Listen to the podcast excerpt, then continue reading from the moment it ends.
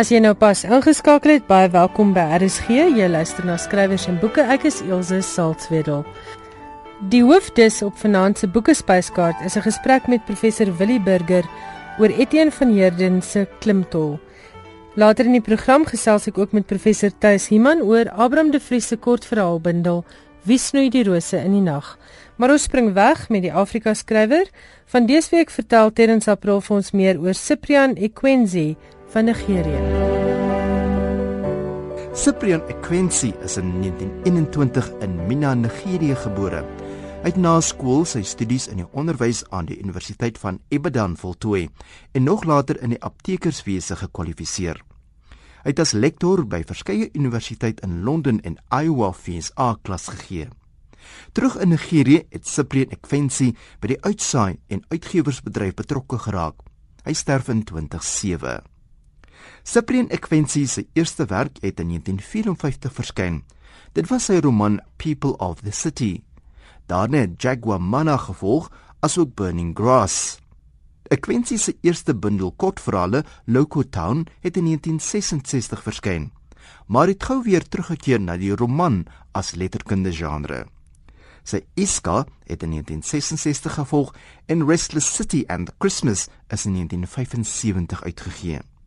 Sy laaste werk is Cash on Delivery wat in 2006 gepubliseer is, 'n jaar voor sy dood. Hier is 'n uittreksel uit Cyprian Akwensi se Survive the Peace. Laughter in the midst of tragedy can never really be funny. Yet they'd been bandying jokes that afternoon, soon after the air raid on the Biafran town. James Udugo, senior reporter news, had been there in the newsroom with his colleagues, tense as a bowstring frightened with that hollow fear of ever impending sudden death in wartime. One of the boys at the typewriters, he could not remember which, had made a prediction. When this war will end, it will be like the abomination of desolation which was spoken of by Daniel, the prophet, standing in the holy places. He that heareth, let him understand. That remark had made them break out into a nervous laugh, easing the tension. Back and forth to the rhythm of clattering typewriters went the nervous quotes until James Udugo mentally withdrew into the private world of chain cigarette smoke. That has been one of those days that stuck in his memory. Dit was 'n uittreksel uit Survive the Peace van Cyprian Ekwensi. Hierdie kort biografiese skets van een van ons skrywers uit Afrika is saamgestel met die hulp van Robin Malan se A to Z of African Writers en uitgegee deur Shooter.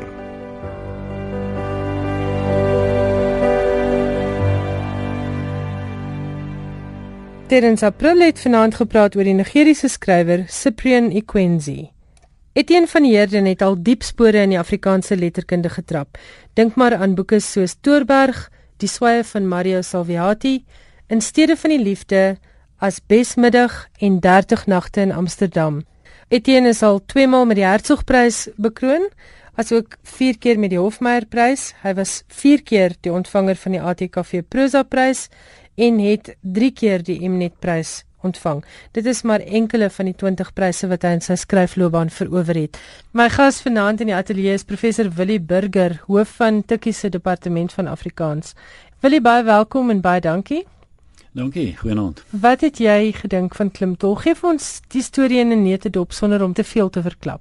'n Mens loop altyd natuurlik die risiko dat jy nou vir sommige luisteraars wat dalk nog hierdie boek gelees het nie, dit kan bederf. So ek sal versigtig wees. Eindelik in Klimtol is daar twee storielyne wat op 'n merkwaardige manier wel met mekaar uiteindelik vervleg. Aan die een kant het ons vir Ludo Luluroy. Hy is 'n afgetrede jou-jou speler. Ja, jy sal dalk onthou toe ek weet nie of jy dit ook gehad het nie, maar toe ek op skool was in die vroeg 70er jare, het daar partykeer by 'n skool by die skool as ek ouens aangekom en dan hulle 'n vertoning gegee met hulle klimtolle.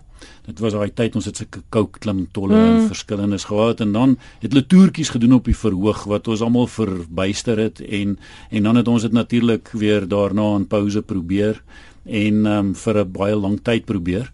Wat hier gebeur is ons het 'n hoofkarakter wat een van daai ouens was wat so van skool tot skool gegaan het en die vertonings gelewer het. Maar wat het van daai ouens geword? Dit is nogal wat vir my snaaks is. Hier het 'n mens so ou wat sy lewe daaraan gewy het. Al wat hy wou doen van kleins af was klimtol speel.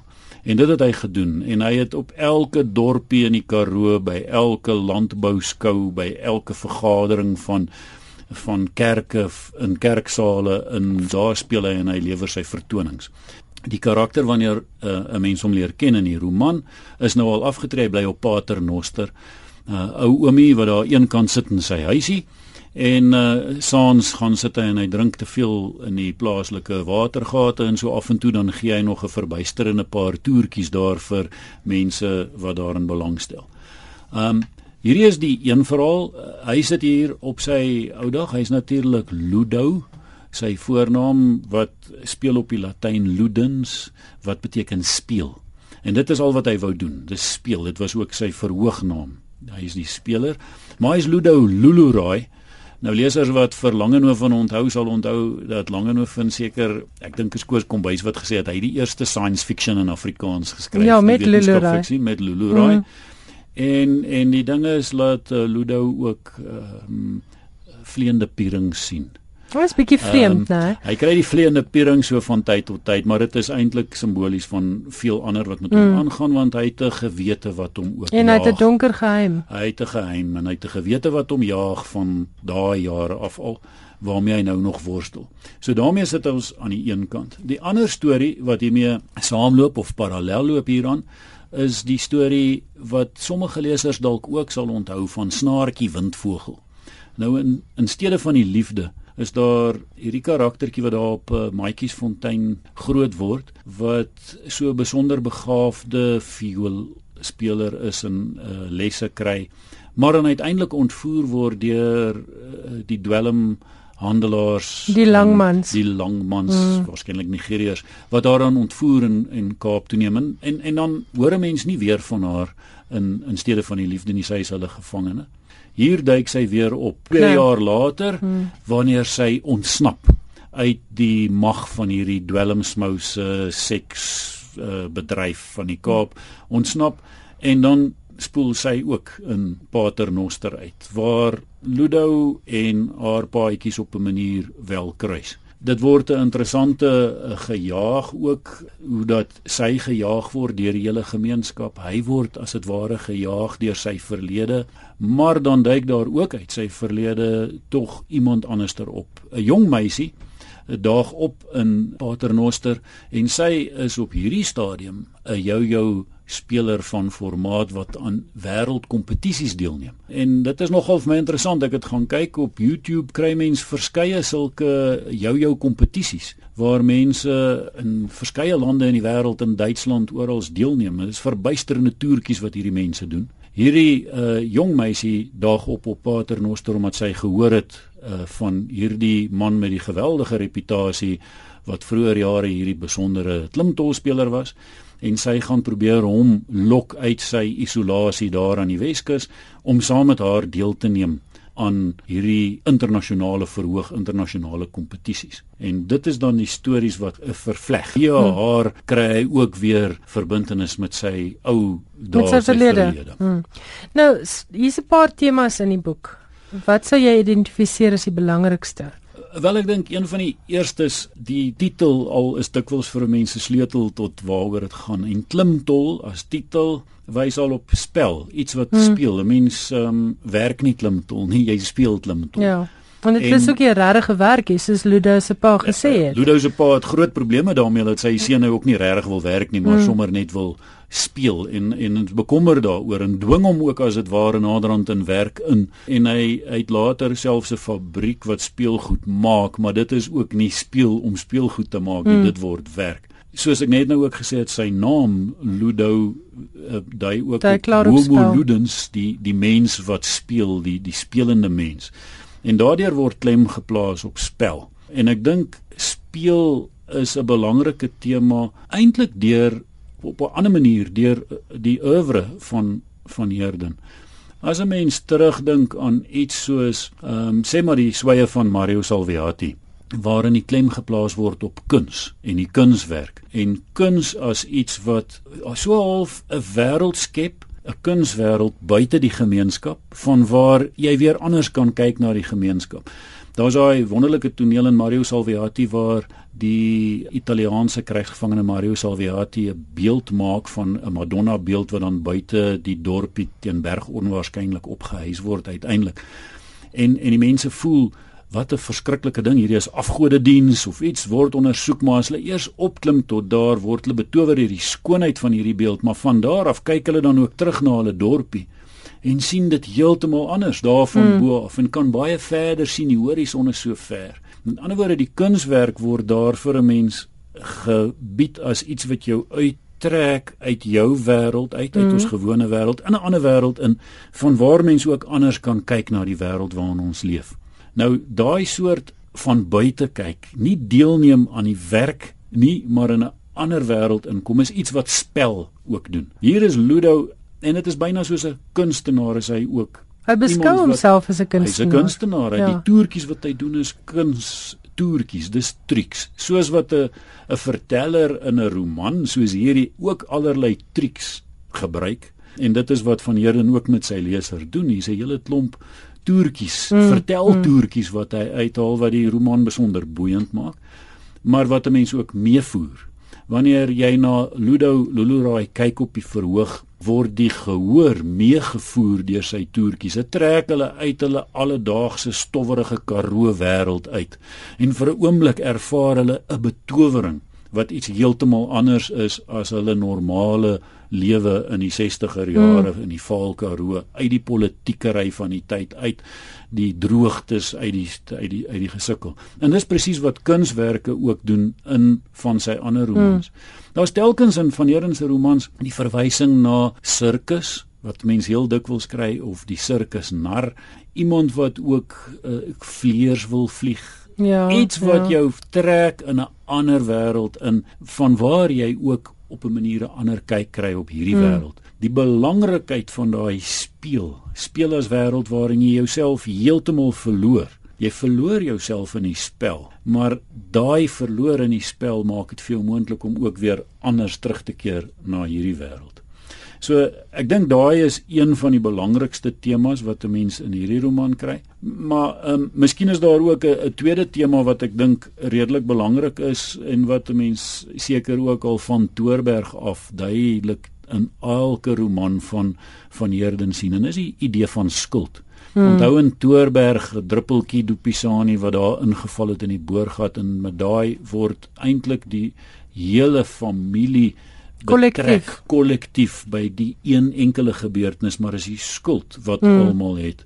In iets soos in steede van die liefde is daar weersprake van Christine wat nie kan afreken met haar eie verlede nie. Daar's goed wat agtergebly het in Mario Salviati is daar ewenigs die hele gemeenskap wat eers daardie derde kaart in die hande wil kry wat die grot moet oopskiet en Daar's so 'n proloog in daai roman wat dan sê as die as die ontploffing so geplaas van dan stamp die verlede die hele dorpie teen die bors. Hmm, Dis 'n hmm. verlede waarmee eers op 'n manier afgereken moet kan word voordat daar voortgegaan kan word. En dis wat Ludo hier probeer doen, maar hy kry hy kom net nooit verby sy gewete nie. Daar's natuurlik ja, die gewete plan omdat hy sukkel om af te reken ja. met daai hmm. verlede hmm. op verskeie maniere en wens wil ek nou nie te veel weg nie, maar dit is die belangrike. Mense kry tog op 'n stadium hoop dat hierdie ding wat hom jag is nou is nou meer afgereken en dit hou mens baie lank geboei tot reg op die einde.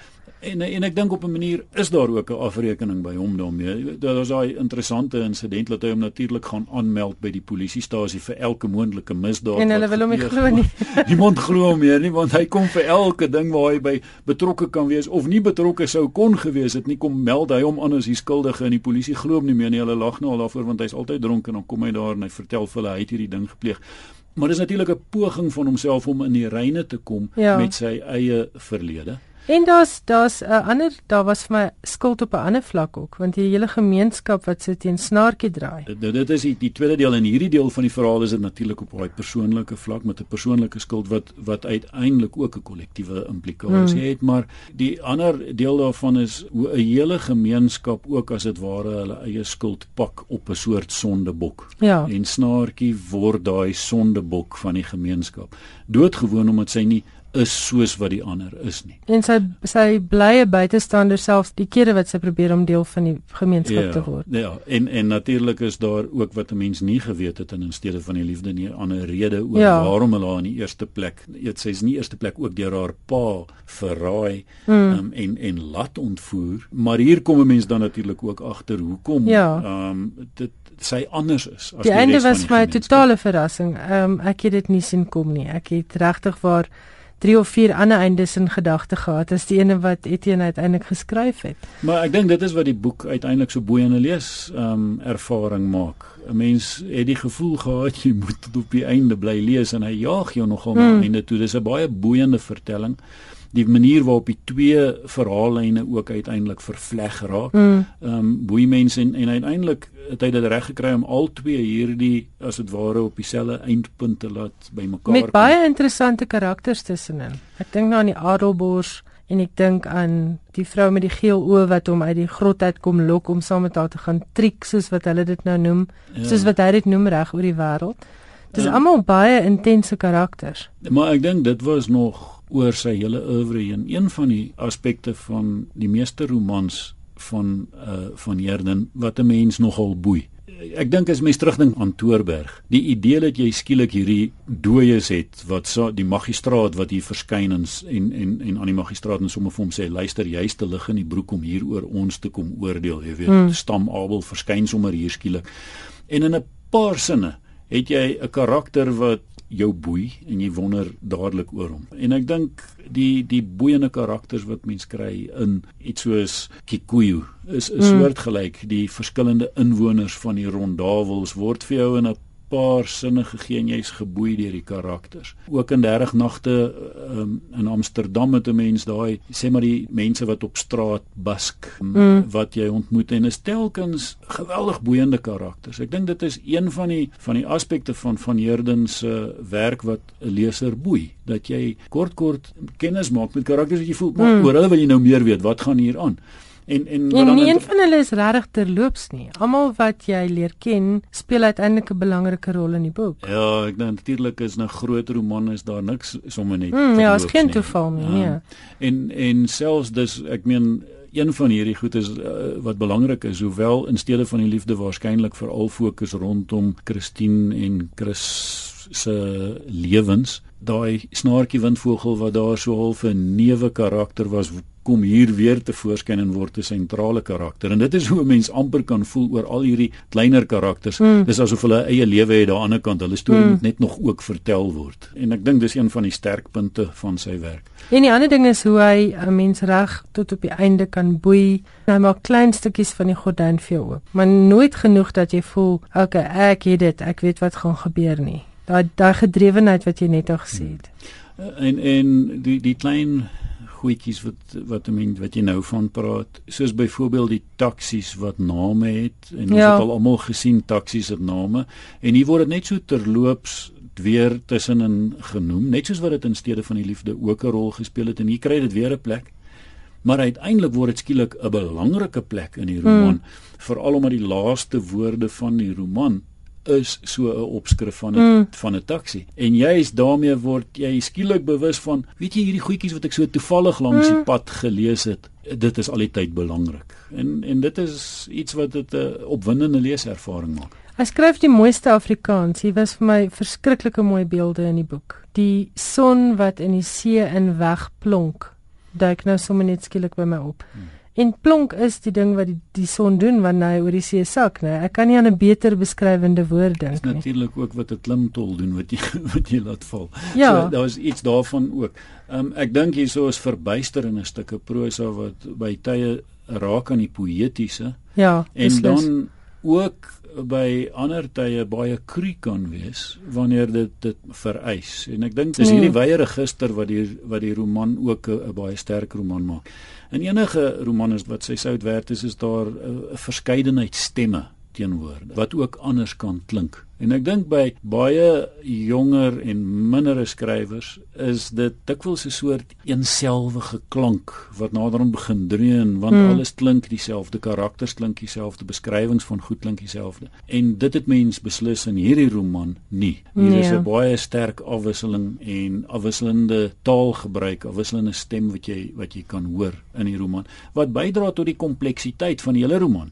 Dit want hoewel 'n mens so lekker lees en verlei word om op die storie af te lees na die einde toe en daarom baie vermaak hieruit put. Ja, want dit is 'n lekker lees. Is dit 'n roman wat dwing tot weer lees, tot mm. stadig gaan kyk, want hier word op 'n komplekse manier goed oor ons samelewing vir ons gesê. Oor ons um, Suid-Afrikaanse samelewing word hier beslis komplekse klomp goed bymekaar getrek en ek dink hy hy benut eintlik die mees populêre genre in ons tyd is waarskynlik die speurverhaal nê nee? ek kom mense dit so graag lees en wêreldwyd is dit seker op hierdie stadium die mees populêre genre ek dink uh, onlangs het Leon de Kock geskryf in 'n resensie oor Mike Nichols se werk Hmm. dat ehm um, die speurverhaal eintlik die genre is waarin ook op hierdie stadium in ons land die meeste sosiale kritiek uitgespreek word.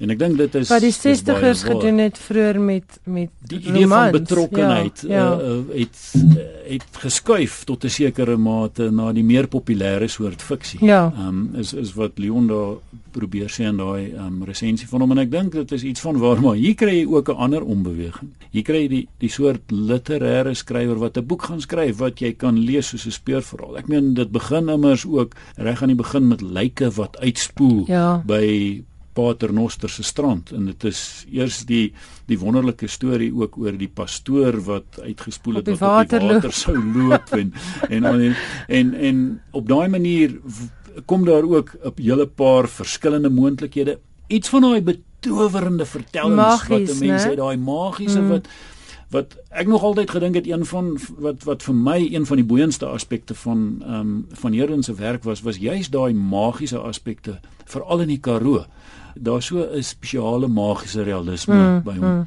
Maar iets daarvan kry jy ook weer telkens hier terug. Dis asof die vertelling so 'n bietjie vleuels begin kry en dan kry jy hierdie wonderlike vlug van die fantasie. Ehm um, die die vliepierings en die maar hmm. ehm um, deurgangs is dit 'n speurverhaal en dit is 'n Maar sonder dat die speurder die hoofkarakter is. En en en sonder dat selfs die die moorde so sentraal staan. Ja, dit is glad nie sentraal nie. Ehm um, maar dit laat jou die hele tyd bly lees. So hy gebruik hierdie populêre medium ook en dit is wat 'n mens dus verlei om om lekker te lees en en ek dink dit is goed so, maar 'n mens moet ook versigtig weer 'n keer gaan kyk want hier is veel meer wat gesê word. Net 'n laaste vraag. Hoekom dink jy het dit afgespeel as mens nou na die ruimte kyk in Paternoster? Okay, kom ek stel dit anders. Hoekom hierdie keer die Weskus en nie die Karoo nie? Ek dink daar's 'n daar's 'n paar goed wat wat belangrik is. Die ene is laat dit by die see gebeur. Mm en die see word ook as 'n sterk metafoor gebruik deur die deur die roman en ek dink dit is een belangrike aspek daarvan. Die ander een is ook dat dit juis twee karakters is wat oorspronklik uit die Karoo uitkom wat nou hier is. Mhm. Snaartjie sowel as Ludo is nou hier nie in hulle eie plek nie dit is 'n toevlugsoord weg mm. van uiteindelik moet snaartjie ook weer hier wegkom.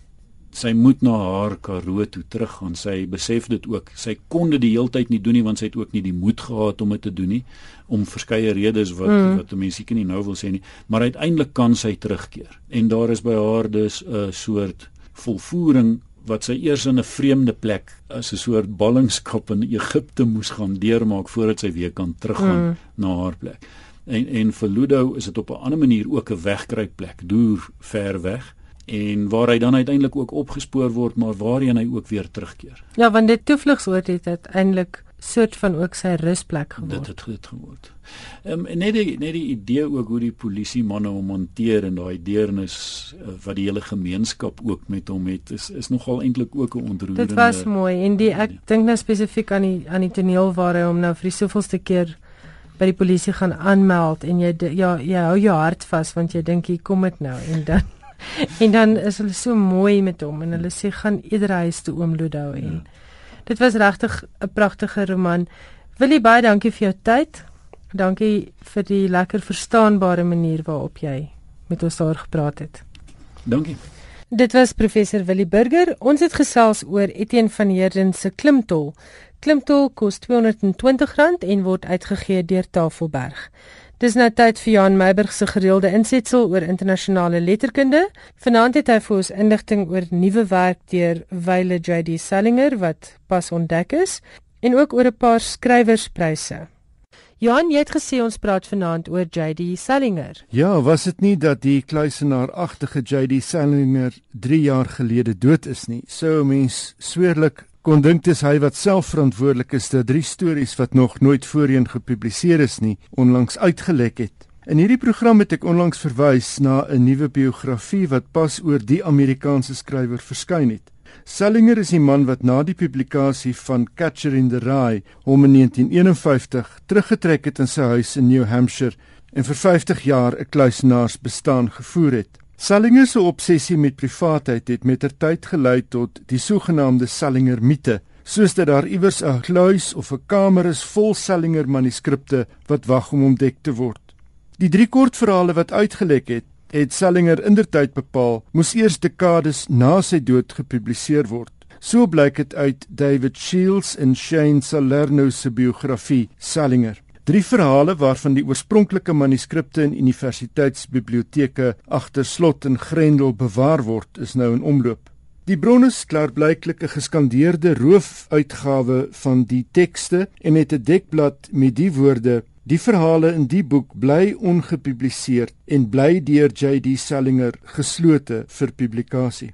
Die kopie glo een van 25 is in 1999 in Londen gedruk en is in September op eBay verkoop vir iets soos 68 pond. Die stories is al drie bekend aan navorsers in Princeton, maar dit was nooit in die openbare domein beskikbaar nie.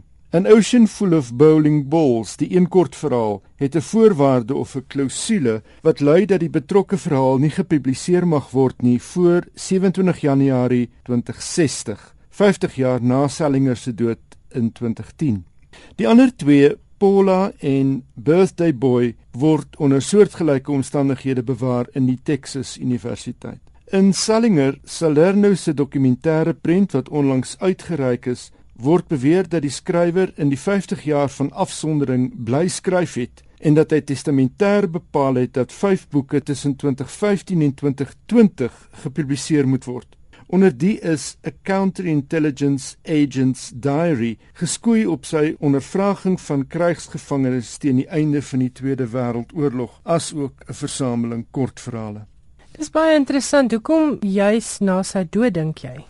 Dis 'n dis 'n oop vraag. Daar's 'n bepaling by 'n klomp skrywers dat hulle private dokumente 50 jaar na hulle dood eers publiek gemaak mag word, gewoon om 'n eerste of 'n tweede generasie na hulle te te beskerm. Dis paar, ja. Maar mens kry tog die gevoel dat Sellinger ook ehm um, 50 jaar het hy hom teruggetrek maar dit beteken nie dat hy dat hy nie iets te sê het nie en dat hy dan na sy dood as dit ware wil terugkom as as skrywer. Dis 'n gevoel wat 'n mens kry. En wat se nuus het jy nog? Ek het iets oor kompetisies, oor internasionale kompetisies. Dis weliswaar in Engels, maar miskien is daar mense wat belang sou stel. Die een is die Kane Prize en die ander een is die Brunel University Africa Poetry Prize. Nou altwee hierdie kompetisies word gereël deur die Commonwealth Writers en ek gaan nou die webwerf gee daarvoor as mense sou belangstel. Die eerste een die Kane Prys.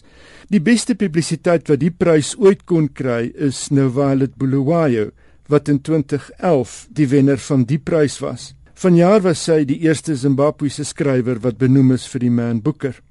En nou sê die organiseerders van die Kane Prys onomwonde Ons is op soek na die volgende No Violet Bulawayo. Belangstellendes, dit is dan skrywers uit Afrika, kan tot 31 Januarie 'n kort verhaal in Engels inskryf. Die prys is 'n beduidende 10000 pond. Twee Suid-Afrikaanse skrywers het tot dusver die pyp gerook. Mary Watson in 2006 met haar kort verhaal Jongvrou en Henrietta Rose Innes in 2008 met Poison. Inskrywings vir volgende jaar se Afrika Poesieprys, aangebied deur die Brunel Universiteit in Londen, het weliswaar reeds gesluit. Maar dis des te meer rede om nou 10 verse geskaaf te kry vir 2015 se ronde van die kompetisie. Met prysgeld van 3000 pond is die oogmerk met die kompetisie om digters wat ernstig is oor hulle bedryf 'n hupstoot te gee. Dis digters wat voorheen nog nie 'n bundel gepubliseer het nie. Daar's 'n hele tros ander kompetisies waarna mense ook kan kyk en dis alles op die webwerf commonwealthwriters.org. Alles een woord. Dankie Johan en ons wil beklemtoon dis inskrywings in Engels. Dit is bo alles the Commonwealth. Dit ja. is die Britte hulle self. Ja. En dan die New York Times se top 10 vir fiksie. In hulle eerste plek is daar Takedown 20 van Janet Ivanovich. Dies Ivanovich se 20ste boek in die Stephanie Plum reeks en omtrent haar 40ste boek. Ivanovich het en hier is dalk 'n gawe plan. Ivanovich het nadat haar kinders uit die huis is, begin skryf. Sy het vir 'n improv toneelkursus ingeskryf en vir 10 jaar probeer om die groot Amerikaanse roman geskryf te kry. Na 3 manuskripte wat elkeen onverkoopbaar was, het sy besluit om romanses te begin skryf. En sien daar, sy is nommer 1 op die New York Times se top 10. Top Secret 21 'n gepaste titel vir haar 21ste aflewering in die reeks verskyn volgende jaar. In die tweede plek is daar David Baldacci se King and Maxwell, 'n ondersoek oor 'n soldaat se geheimsinnige dood in Afghanistan. In plekke 3 en 4 is John Grisham se Sycamore Row en Stephen King se 112263. The Goldfinch van Donna Tartt, 'n boek wat ons onlangs oor gepraat het, is in die 5de plek. Dis die derde boek van die skrywer um, na The Secret History in 1992 en The Little Friend in 2002. In die 6de plek is Patricia Cornwell se Dust. Nora Roberts is met Dark Witch in die 7de plek en in die 8ste plek is Mitch Albom se The First Phone Call from Heaven. Miskien sal luisteraars onthou dat Ellen Swartlow onlangs Tuesdays with Maury in een van Green in die Afrikaanse vertaling Dinsdae by Maury aangebied het. En in die 9de plek Christina Lawrence se Beautiful Beginning en in die 10de plek Orson Scott Card met Ender's Game. En so gesels Johan Meiburg.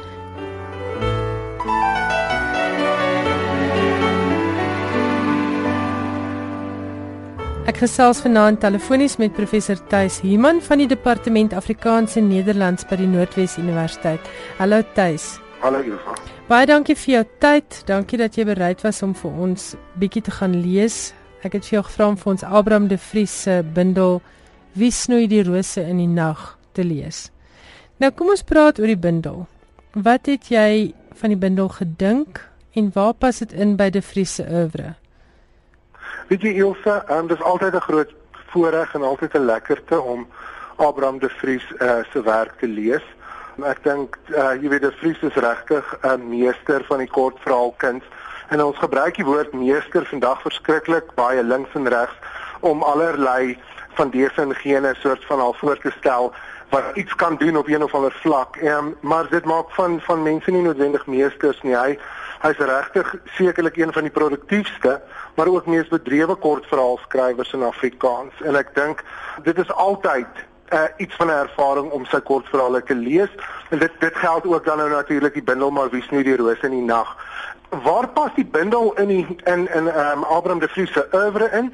Weet jy daar is al baie melding gemaak dat daar eintlik twee oeuvres tot stand gekom het. Nou de Vries is nie net 'n kortverhaalskrywer nie hy het sy hande aan baie dinge uh, gewaag Maar as mens nou na sy kortverhale kyk, is daar eintlik so twee oeuvres of twee strome.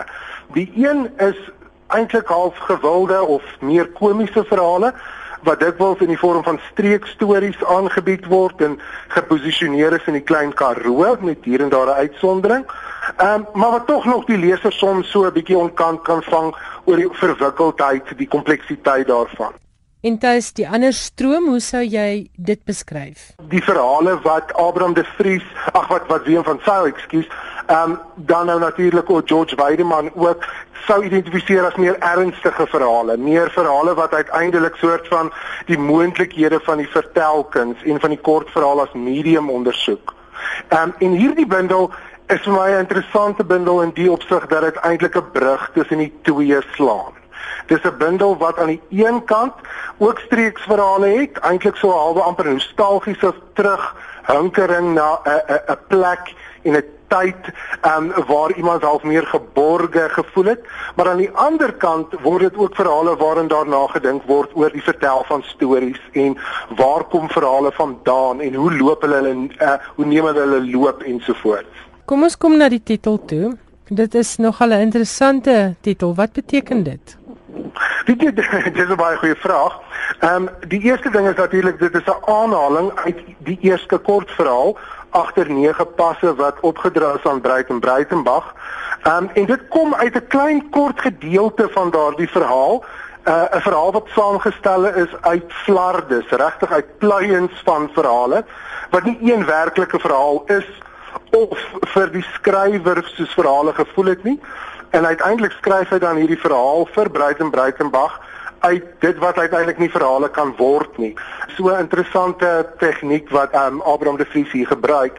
Maar ek dink een van die wesenskenmerke van al die verhale in die bundel is die feit dat hulle hulle geheime nie heeltemal prys gee nie. Dat um Abraham de Vries regtig die die die vermoë het om uiteindelik mens in die donker te hou oor sekere dinge. Uh nie doelbewus of omdat hy uiteindelik moetswillig is nie, maar omdat daar regtig dinge is wat onken onkenbaar en wat uiteindelik ongrypbaar is. En daardie vraag maar wie snoei die roos in die nag ten opsigte van 'n ou bouvallige huis, een kant pragtig aan die ander kant bouvallig wat hy dan nou hier in die Karoo waarneem en dan uiteindelik opmerk maar wie sou die roosbome voor die huis snoei in die nag?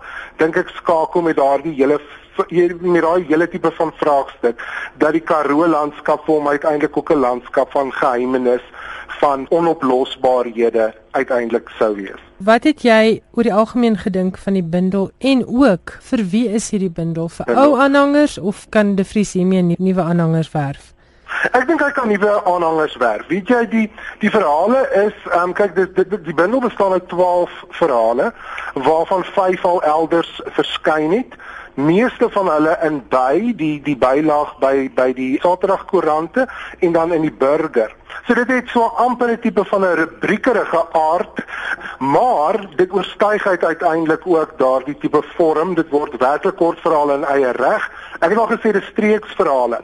So dit is verhale waar in spesifieke streeks gebeure, herinneringe, ehm um, daardie stories wat uiteindelik nog in die geheue van 'n skrywer of 'n verteller bly, uiteindelik dan nou vertel word. En ek dink dit is werklik waar stories wat 'n 'n nuwe leserstaal vir hom sal kan wen. Daarteenoor dink ek is dit ook 'n bundel wat uiteindelik soort van De Vries aanhangers en uiteindelik diegene wat ook bietjie navorsing en besinning oor die kort verhaal doen ook tevrede sal stel. Want soos wat dit eintlik 'n algemene prosedure by De Vries is word daar uiteindelik weer terug verwys na sy vorige werk toe. Daar is verwysings na verhale uit uur van die idioote van in na skadewees tussen skadewees en na tot verhaal kom. Dikwels herskrywings van verhale in verskillende gedaantes en ek dink hier nou spesifiek aan 'n verhaal soos byvoorbeeld winkelplase wintertekening um, wat herskryf is as winkelplase verhaal in 'n later bundel en in hierdie bundel dan nou uiteindelik ook weer 'n hele klomp winkelplaas verhale. Daar's ook weer 'n verhaal oor oor Kersfees en oor 'n oor 'n Kersgebeure wat dan 'n natuurlike pragtige verhaal en tot verhaal kom weer aktiveer. So hy skryf weer terug, maar uiteindelik sonder om uiteindelik patroonmatig te raak. So ek dink vir diegene wat soort van geïnteresseerd is in die Vries is daar pitkos, maar vir diegene wat uh, wat hulle harte nou nog nie aan aan die Vries gewen het of nog blootgestel het daaraan nie, ook 'n hele paar verhale wat regtig groot vreugde kan gee. Nou die genre van kortverhale. Dit word myns insiens maar bietjie afgeskeep in Afrikaans. Hoe voel jy daaroor? Die kortverhale is 'n interessante genre. Ek dink as 'n mens die gesprek 'n hele paar jaar gelede sou hê, dan sou mens seker kon sê dat kortverhale op op hulle beste soort van die swart skaap van die letterkunde en op hulle slegste amper jy weet 'n aangenome kind of 'n buiteegtelike kind dalk nog mm -hmm. erger. Maar ek dink uh, die die situasie het baie verander. As mens kyk na die toekenning van pryse ehm um, literêre pryse, dan sal 'n mens sien dat kortverhaalbundels toenemend op daardie lyste verskyn. En ek dink die toekenning van die Nobelprys aan Alice Munro is regtig nou nogal 'n uh, 'n teken daarvan dat die kortverhale genre nou nie net hier plaaslik maar ook internasionaal regtig ernstig opgeneem word. En ek dink ook diegene wat uiteindelik kennis sou hê oor oor die kortverhale in Afrikaans sou hierdie bundel ook baie interessant met ander bundels in verband kon bring. Ek bedoel, iets is byvoorbeeld die die interessante gespreksituasies byvoorbeeld in die sneeuslaper van Marlene van die kerk byvoorbeeld. Of dit herinner ook baie sterk aan daardie daardie wonderlike verhale van Herman Charles Bosman met sy oomskalk Lawrence. Ehm um, wat uiteindelik weer en weer nadink oor hoe vertel 'n mens verhale? Wanneer bly jy stil? Wat laat jy uit? Waar begin jy? Wat sluit jy in? En ek dink dit is ook besinnings in hierdie bundel. Uiteindelik hoe werk 'n verhaal? Wanneer is hy af? Wanneer is hy voltooi, jy weet losse mense om kom jy na hom toe terug, al daardie tipe van vraagstukke. So gesels professor Tuis Himan van die Noordwes Universiteit. Ons het gepraat oor Abraham de Vries se bundel Wie snoei die rose in die nag. Dit word uitgegee deur Himan en Resou en kos R160.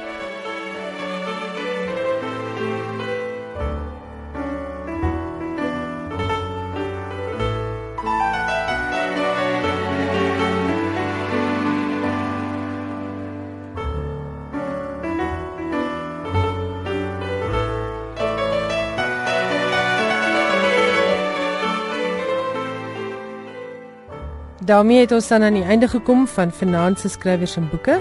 Baie dankie dat jy saam geluister het. As jy 'n deel van die program weer wil luister, gaan luister vir ons potgooi by rsg.co.za of onthou van die herhaling wat Saterdag nag om 1uur is in die program Deurnag. As jy vir ons 'n briefie wil skryf, stuur 'n e-pos na skrywers en boeke by rsg.co.za of stuur 'n SMS na 3343.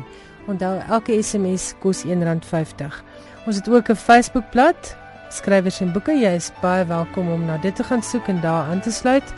En dan gesels ons weer volgende Woensdag aan tussen 8 en 9 hier op RSG oor skrywers en boeke. Ek is Elsje Salzwetel en daarmee groet ek tot volgende week.